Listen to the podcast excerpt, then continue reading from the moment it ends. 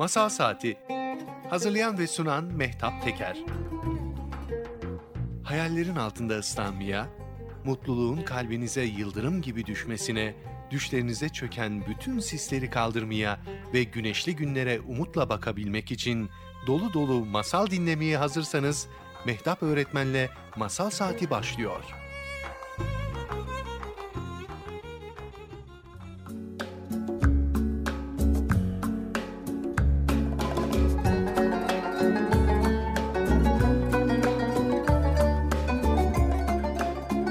Barbaranın, sürsürenin, destursuz bağ girenin hali budur hey.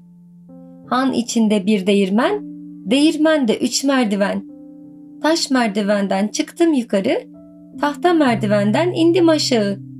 Toprak merdivenden girdim içeri. Bir de ne göreyim? Bir kara kedi. Vay ne kedi ne kedi. O kedideki kaş, o kedideki burun.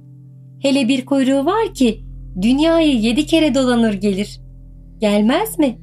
İnanma peki bu yalana? Hediye edelim bu masalı doğru sözlü olana. Vaktiyle yüce dağların arkasında bir garip çoban yaşarmış. Köpeğini kavalını yanına alır, abasını sırtına atar, düşermiş sürüsüyle yollara. Onlar için en güzel otlakları bulur, yorulduklarında da dertli kavalının nameleriyle uyuturmuş hayvanlarını. Günlerden bir gün yayladan dönerken çobanın azığı tükenmiş. Köye varmalarına da daha çok varmış. Açlıktan ölecekmiş neredeyse. Dayanamamış, kendisine emanet edilen sürüden bir koyunu azık etmiş kendine. Güzelce yemiş. Yemiş yemesine de koskoca koyun azık olmakla biter mi? Köye dönene kadar bir de ikram etmiş gördüğü karşılaştı herkese. Köye yaklaşmaya başlayınca içini bir pişmanlık kaplamış. Ne diyecekmiş şimdi sürünün sahibine? Sürünün sahibi çobanı öyle sever, ona öyle güvenirmiş ki çoban yaptığı şeyi nasıl açıklayacağını bilememiş. Köye varmış, sürünün sahibine koyunlarını teslim etmiş ve o an ağzından şu sözler dökülüvermiş. Koyunlardan biri kayalıklardan yuvarlandı. Ben de ziyan olmasın diye hem kendime hem de gelene kadar gördüklerime ikram ettim demiş. Sürünün sahibi canın sağ olsun iyi etmişsin demiş. Akşam olunca çobanın içine bir ateş düşmüş. Yalan böyle bir şeymiş. Söylediğin vakit seni o anki durumdan kurtarırmış ama artık seni ve düşüncelerini esir edermiş. Çoban gece boyunca uyuyamamış. Sabaha kadar Allah'a dua etmiş, yalvarmış. Allah'ım bir daha böyle bir hata yapmaktan da yalan söylemekten de beni koru demiş. Sabah henüz onun da bilmediği bir hal ile uyanmış. Sürülerini almış, her zamanki dağ yolunda yürürken iki kişinin tartıştığını görmüş. Adamlar çobanın yanına gelmişler ve kendilerine hakem olmasını istemişler. Biri köyün ağasının biricik oğlu, diğeri gariban bir köylüymüş.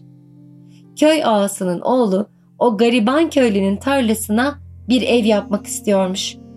Gariban köylünün tek geçim kaynağı tarlasıymış ve bu işe rızası yokmuş. Ağanın oğlu çobana sormuş. Parası neyse vereceğiz. Bunda adaletsiz bir şey var mı? Söyle bakalım demiş. Çoban, ağam eğer köylünün rızası yoksa o işten sana bir hayır gelmez demiş. Ağanın oğlu kızmış, sinirlenmiş, köye dönmüş ve babasına bu durumu anlattığı vakit köyün ağası bizim çobanı köyden kovmuş. Çoban ağanın böyle yapacağını bilmesine ve korkmasına rağmen onlara yalan söyleyememiş. Köyünden kovulan çoban doğru söylediği için acaba bunu mu hak etmiş? Çoban nereye gittiyse doğru söylediği için başı derde girmiş ve tam dokuz köyden kovulmuş. Yol üzerinde karşılaştığı bir kervana sığınmış. Kervanın başında o ülkenin en akıllı, en zengin adamlarından genç biri varmış. Adam, ''Ey yolcu, bugün misafirimiz ol. Bize kendini ispat edersen seni aramıza alırız. İçimizde ihtiyar bir adam var. Onun yanında çalış, yaptığımız işi öğren.'' demiş. Çoban yaşlı adamın yanında çalışmaya başlamış.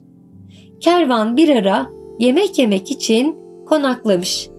Yaşlı adam genç çobana gel seninle ilerideki kuyudan su getirelim demiş ve oradan ayrılmışlar. Geze geze sohbet ede ede kuyunun yanına varmışlar. Kuyudan suyu doldurmuşlar. Dönerken yaşlı adamın ayağı birden takılıp yere düşmüş. Elindeki sular da yere dökülmüş. Çobana bakmış ve şimdi saatlerdir bizi bekleyen topluluğa suyu döktüğümü söylersen rezil olurum. Artık bir işe yaramıyorum diye beni aralarında barındırmazlar. Hiçbir işe yaramadığımı, bir kova suyu bile taşıyamadığımı düşünürler. Benim bir kese altınım var evlat. Senin olsun. Yeter ki bunu onlara söyleme. Beni rezil etme demiş. Çoban, ah amcacığım ben bir kez yalan söyledim. Başıma gelmeyen kalmadı. Doğru söyledim. Dokuz köyden kovuldum. O suyu ben tekrar doldurur getiririm. Seni de kendimi de kurtarırım. Ama yalan söyleyemem demiş. Ve hemen gidip suyu doldurup getirmiş. İhtiyar adam ve çoban arkadaşlarının yanına dönmüşler. İhtiyar adam bir eliyle çobanın omzundan tutarak ''Benim kıymetli dostlarım, bu genç artık bizimledir. Dürüstlüğü ile aramıza katılmayı hak etti.'' demiş. Meğer ihtiyar kervanbaşıymış. Kervanbaşı diye gösterdikleri o ihtiyarın oğluymuş. Herkes çobanı sevgiyle kucaklamış, onu aralarına almışlar. İhtiyar çobana dönmüş ve ''Evladım, doğru söz söylediğin için kaybetmezsin. Sen sadece doğru insanlarla karşılaşmamışsın. Burada herkes senin gibi. Senin gibi bir dost ise bizim için çok kıymetli. Dürüst insanlar için dokuz köyden kovulsalar da her zaman onuncu bir köy vardır demiş. Gökten üç elma düşmüş. Biri masalı anlatana, biri dinleyene, biri de her şeye rağmen doğru sözlü olmaktan vazgeçmeyenlere.''